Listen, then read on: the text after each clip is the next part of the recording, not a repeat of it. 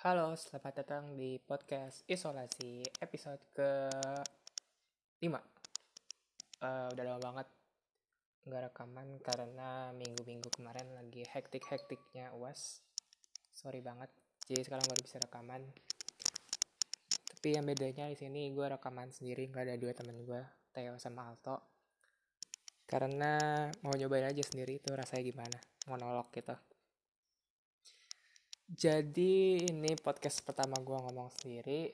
Hmm, sebenarnya nggak mau ngomongin yang serius-serius banget karena pasti nanti dibuat mikir pusing-pusing juga ya.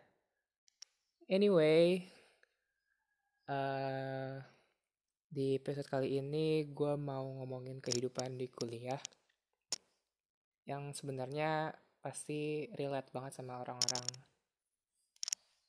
yang baru masuk dunia perkuliahan. Ya, bisa dibilang gitu, semoga saja. Jadi, gue itu, gue gua sebut latar belakangku dulu ya. Gue itu lulus tahun 2019. Terus sekarang masuk semester 2 perkuliahan. Uh, terus yang kerasa beda banget di dunia sekolah, maksud gue SMA di sini sama di dunia perkuliahan tuh yang pasti dari sistemnya sendiri ya. Kalau di sekolah kan lo harus ngikutin rulesnya gimana, terus budayanya gimana, pelajarannya. Pokoknya strict banget ya sekolah. Tapi kalau di masa perkuliahan ini ya pasti uh, kalau lo udah masuk perkuliahan ya berarti lo udah dewasa tandanya. Tandanya lo udah bisa lu bisa bisa ngatur mana yang baik buat lu mana yang buruk buat lu. Kalau gua bolos ya konsekuensinya balik lagi ke gua gitu. Yang paling mendasar sih itu kalau perbedaan kuliah dan sekolah. Terus yang kedua ada pertemanannya lingkungannya. Nah ini nih lingkungan-lingkungan perkuliahan yang gue rasa pasti beda banget sama lingkungan SMA ya kalau di lingkungan SMA ya paling uh, lu bahasnya kan uh, pelajaran-pelajaran guru-guru cewek ya cita-citaan SMA gitulah mungkin adalah beberapa bahas serius-serius tapi nggak sering. Nah tapi kalau di kuliah ini gue nggak tahu kenapa ya dari masa transisi SMA ke kuliah uh, banyak banget teman-teman gue yang pikirannya tuh udah mulai berpikir kritis gitu loh maksudnya udah aware dengan keadaan sekitar tentang perpolitikan, ekonomi, teknologi, bisnis, terutama politik di sini ya. Uh, eh, gue tuh punya temen yang dari yang SMA tuh kita nggak, maksudnya gue gue punya temen nongkrong nih, yang dari SMA tuh kita nggak nggak bahas politik sama sekali. Ada lah paling politik cuman kayak pilpres doang kita bahas, tapi cuman ya bercanda-bercanda doang. Nah, kalau di perkuliahan ini beda banget. Pas gue nongkrong sama temen gue yang SMA ini, uh, bahasannya tuh udah beda banget. Maksud gue yang SMA bahasnya apa, sekarang kayak lebih, wah kok bahasa ginian, kok bahasa politik, kok tiba-tiba, loh, loh, loh, pasti lo semua bakal kaget nanti. Terutama buat kalian-kalian yang masih SMA ya. Ini gue kasih gambaran aja lah nanti kehidupan perkuliahan gimana. Walaupun ya gue masih baru-baru juga di dunia perkuliahan tapi ya gue mau sharing aja lah berbagai uh, masa transisi dari SMA ke kuliah gitu. Jadi kalau di kuliah tuh ini gue bahas dari sisi lingkungannya dulu ya uh, uh, which is pertemanan gitu gitu jadi kalau udah di perkuliahan baik lagi uh, kita tuh nggak tahu kenapa otaknya tersetting untuk jadi lebih aware gitu sama dunia. Ternyata dunia tuh nggak ini doang nggak sekolah doang. Ternyata uh, pemerintahan bisnis politik itu kita udah mulai ada interestnya lah gitu. Udah mulai tertarik ikut-ikutan. Nah yang memicu ini tuh apa? Nah sebenarnya uh, pertemanan itu paling utama yang bisa memicu kita aware tentang uh, berpikir kritis lah kalau bisa bilang ya. Jadi dulu ada saat pasti lu punya teman yang bakal duluan nyeletuk tentang misalkan politik. Eh menurut lo ini ini ini gimana sih pendapat lo nah pasti lo bakal ada teman yang kayak gitu. Nah dengan munculnya si dia nih si teman ini otak lo tuh maksudnya mindset lo tuh jadi loh tiba-tiba kok yang ngomong politik? Nah uh, teman-teman yang lain nimbrung nimbrung nimbrung. Nah lo jadi nggak mau kalah dong. Akhirnya lo observasi mendalami uh, lu baca-baca politik tuh gimana. Terus akhirnya bisa diskusi bareng. Nah di dunia perkuliahan ini uh, eh, gue kasih tahu nih ya uh, kuliah itu bukan nyari nilai semata maksud gue bukan nyari bukan ujuk-ujuk datang datang ke kampus kuliah buka buku belajar terus pulang. Enggak enggak gitu maksud gue jadi yang paling penting ya kalau menurut gue diskusi-diskusinya itu loh yang bikin masa-masa kuliah itu jadi lebih menarik. Terutama diskusi sama orang-orang yang emang uh, aware ya sama isu-isu ini. Bukan bermaksud uh, kita anak kuliahan sok-sok berpikir kritis tapi emang berpikir kritis emang dibutuhkan di masa-masa kuliah gimana kita bisa uh, nggak harus iya iya iya aja ke dosen kita jadi kita harus loh kok maksud gue bukan menentang dosen ya tapi kita bertanya kenapa bisa seperti ini gitu loh. Nanti itu juga bakal lu pakai di dunia uh, perkuliahan sehari-hari budaya budaya berpikir kritis ini. Kok jadi budaya berpikir kritis ya? Tadi balik ke mana ya? Oke. Tadi balik ke bahas politik-politik pemerintahan, ekonomi, bisnis. Oke, balik lagi ke yang bahas-bahas itu. Itu hmm, dari sisi lingkungannya. Terus dari sisi apa lagi ya oh gue ini gue cuma mau ngasih insight aja ya gue tuh punya teman di kampus gue uh, dia tuh kalau bisa dibilang ambis banget sama nilai. Terus kayak pokoknya dia orangnya ngejar nilai banget lah. Tapi yang gue mau concern di ini tuh gue cuma mau ngasih saran aja nih ya buat lu, semua yang ambis banget sama nilai. Gue bilangin aja ya. Ini cuma pendapat pribadi gue nilai bagus. Maksud gue lu udah ngejar nilai ya bagus tapi jangan lupain loh kalau sukses itu gak hanya butuh nilai maksud gue gak hanya butuh IP yang IPK yang bagus, tapi kan lu juga harus bersosialisasi gitu loh sama orang-orang sekitar lo. Ya lu mau ikut organisasi, lu aktif BEM, lu aktif uh, volunteer, atau acara-acara semacam gitulah yang enggak semata-mata buat nilai. Maksud gue gitu loh. Jadi boleh lu di SMA ambis banget. Uh, maksud gue nilai nilai harus 90, 90, 98, 100. Ya itu was, masih wajar-wajar aja karena masih SMA gitu loh. Maksud gue masih belum berpikir ke depan banget Nah, tapi kalau di, di, di udah udah di dunia perkuliahan ini, lu juga harus mikirin dong uh, soft skill soft skill apa sih yang harus gue kasain untuk menunjang karir gue yang di luar perkuliahan yang di luar perkuliahan gue, uh, which is yang nggak ada di mata kuliah lu, kayak misalkan kemampuan untuk public speaking, uh, persuasif untuk mengajak orang-orang, terus kemampuan critical thinking udah gue bahas tadi kemampuan-kemampuan yang sebenarnya itu ada di kehidupan sehari-hari, tapi nggak bisa lu pelajarin by book gitu loh. Jadi itu lu pelajarin uh, harus people to people, uh, maksud gue person to person, kok people to people ya? Person to people, person to person, ya semacam itu.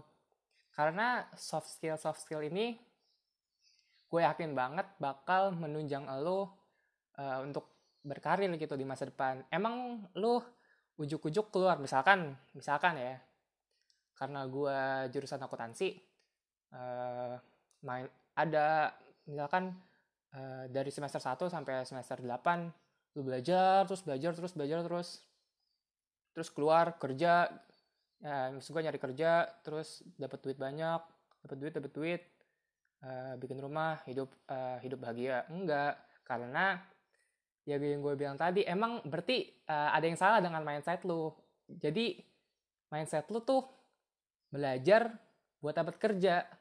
Nah itu mindset yang salah maksud gue uh, boleh belajar tapi mindsetnya tuh diubah loh.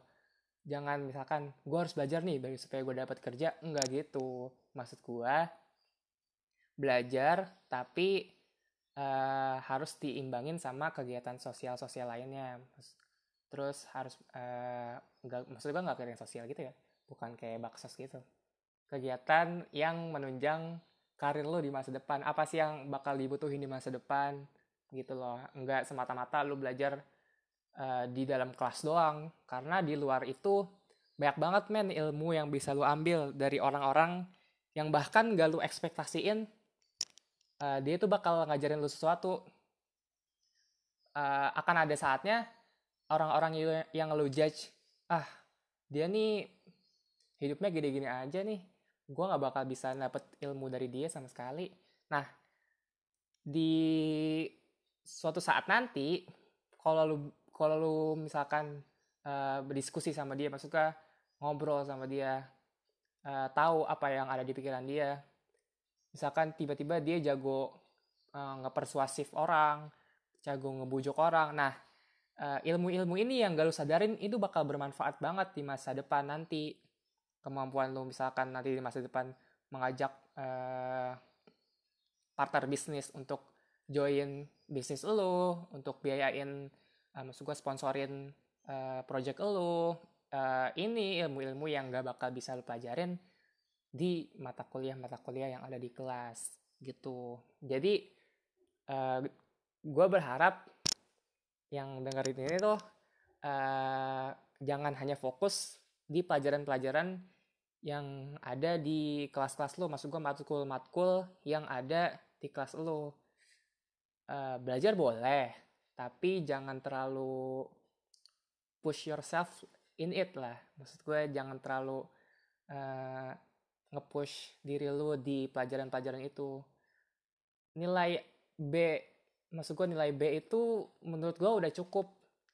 Uh, maksud gue nilai B aja menurut gue udah cukup kalau lu bisa imbangin dengan kegiatan-kegiatan organisasi yang lainnya.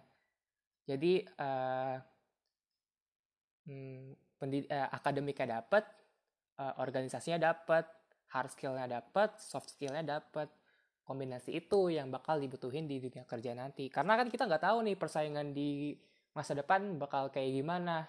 Emang bak, uh, uh, satu tahun dari sekarang persaingan bakal sama? Enggak kan? Apalagi dengan adanya COVID-19 ini. Jadi kayak kita banyak banget industri-industri yang turun, banyak industri-industri yang naik. Nah, dengan seiring berjalannya waktu itu, kita juga harus ikutin nih perkembangan apa sih yang bakal dibutuhin untuk kita dapat bersaing di masa depan nanti. Apakah masih relevan dengan tahun ini? Apakah tahun-tahun berikutnya uh, ilmu kita bakal relevan dengan perkembangan zaman? Jadi kayak lu belajar satu, lu belajar banyak ilmu aja nggak bakal menjamin kehidupan lu di masa depan. Apalagi lu cuma belajar satu ilmu doang, which is yang lu pelajarin di uh, perkuliahan. Jadi jangan pernah berfokus sama satu doang. Jadi kalau lu udah uh, fokus sama satu, lu bakal nggak uh, peduliin nih ilmu-ilmu yang lainnya. Tuh gue sara gua saranin uh, kita tuh harus bisa menyeimbangkan ilmu-ilmu. Nggak harus nggak harus paham banget tapi intinya tahulah dasar-dasarnya. Seenggaknya kalau di masa depan nanti ada pekerjaan yang membutuhkan ini ini ini lah lu udah tahu nih kulit kulitnya tinggal lu asah lagi di masa depan. Keren banget gue masih ngomongin masa depan. Nah gitu deh pokoknya. Jadi di masa depan nanti uh, semoga aja ilmu-ilmu yang lu pelajarin sekarang yang di luar dari perkuliahan gue yakin banget itu pasti bakal berguna. Terus jangan lupa kok jangan lupa ya? Maksud gue jangan pernah meremehkan orang-orang yang lu anggap gak bakal ada ilmu yang gue bisa petik dari mereka. Sebelum lu uh, ngobrol langsung dengan mereka diskusi langsung dan lu gali itu apa yang bisa diambil. Setiap orang pasti punya kelebihannya masing-masing gue percaya itu dan pasti ada yang lu bisa ambil dari setiap orang yang lu temuin entah itu perilakunya uh, isi otaknya atau maksud ke sikap-sikapnya pasti ada yang bisa lo ambil dari perilaku perilaku mereka uh, dari dari diri dari diri dia gitu. Itu aja untuk tadi awalnya tuh gue ngomongin perbedaan kuliah dan SMA ya kenapa jadi ke sini ya? Tapi nggak apa-apa sih ini curhatan gue aja. Karena gue masih nemuin banyak banget mahasiswa mahasiswa. Nggak tahu ya karena gue masih mahasiswa semester baru atau kenapa atau atau atau enggak. Tapi masih banyak mahasiswa mahasiswa yang uh, mementingkan nilai di atas di atas segalanya. Jadi dia kurang ya bisa dikatakan kurang bersosialisasi. Gitu. Udah 15 menit nih nggak kerasa banget gue ngomong sendiri. Anyway ini podcast pertama gue ngomong sendiri. Nggak ada siapa pun sebenarnya enak juga ya ngomong monolog ini. Lebih bebas gitu. Nggak ada Theo nggak ada Alto. Anyway uh, itu aja di episode keberapa nggak tahu gue sebenarnya. Uh, follow eh di episode ini gue mau sponsorin Instagram gue deh. Follow ya at krom akrom. Krom underscore akrom. Tapi itu di private jadi nanti kalau lo mau di follow back lo DM gue aja.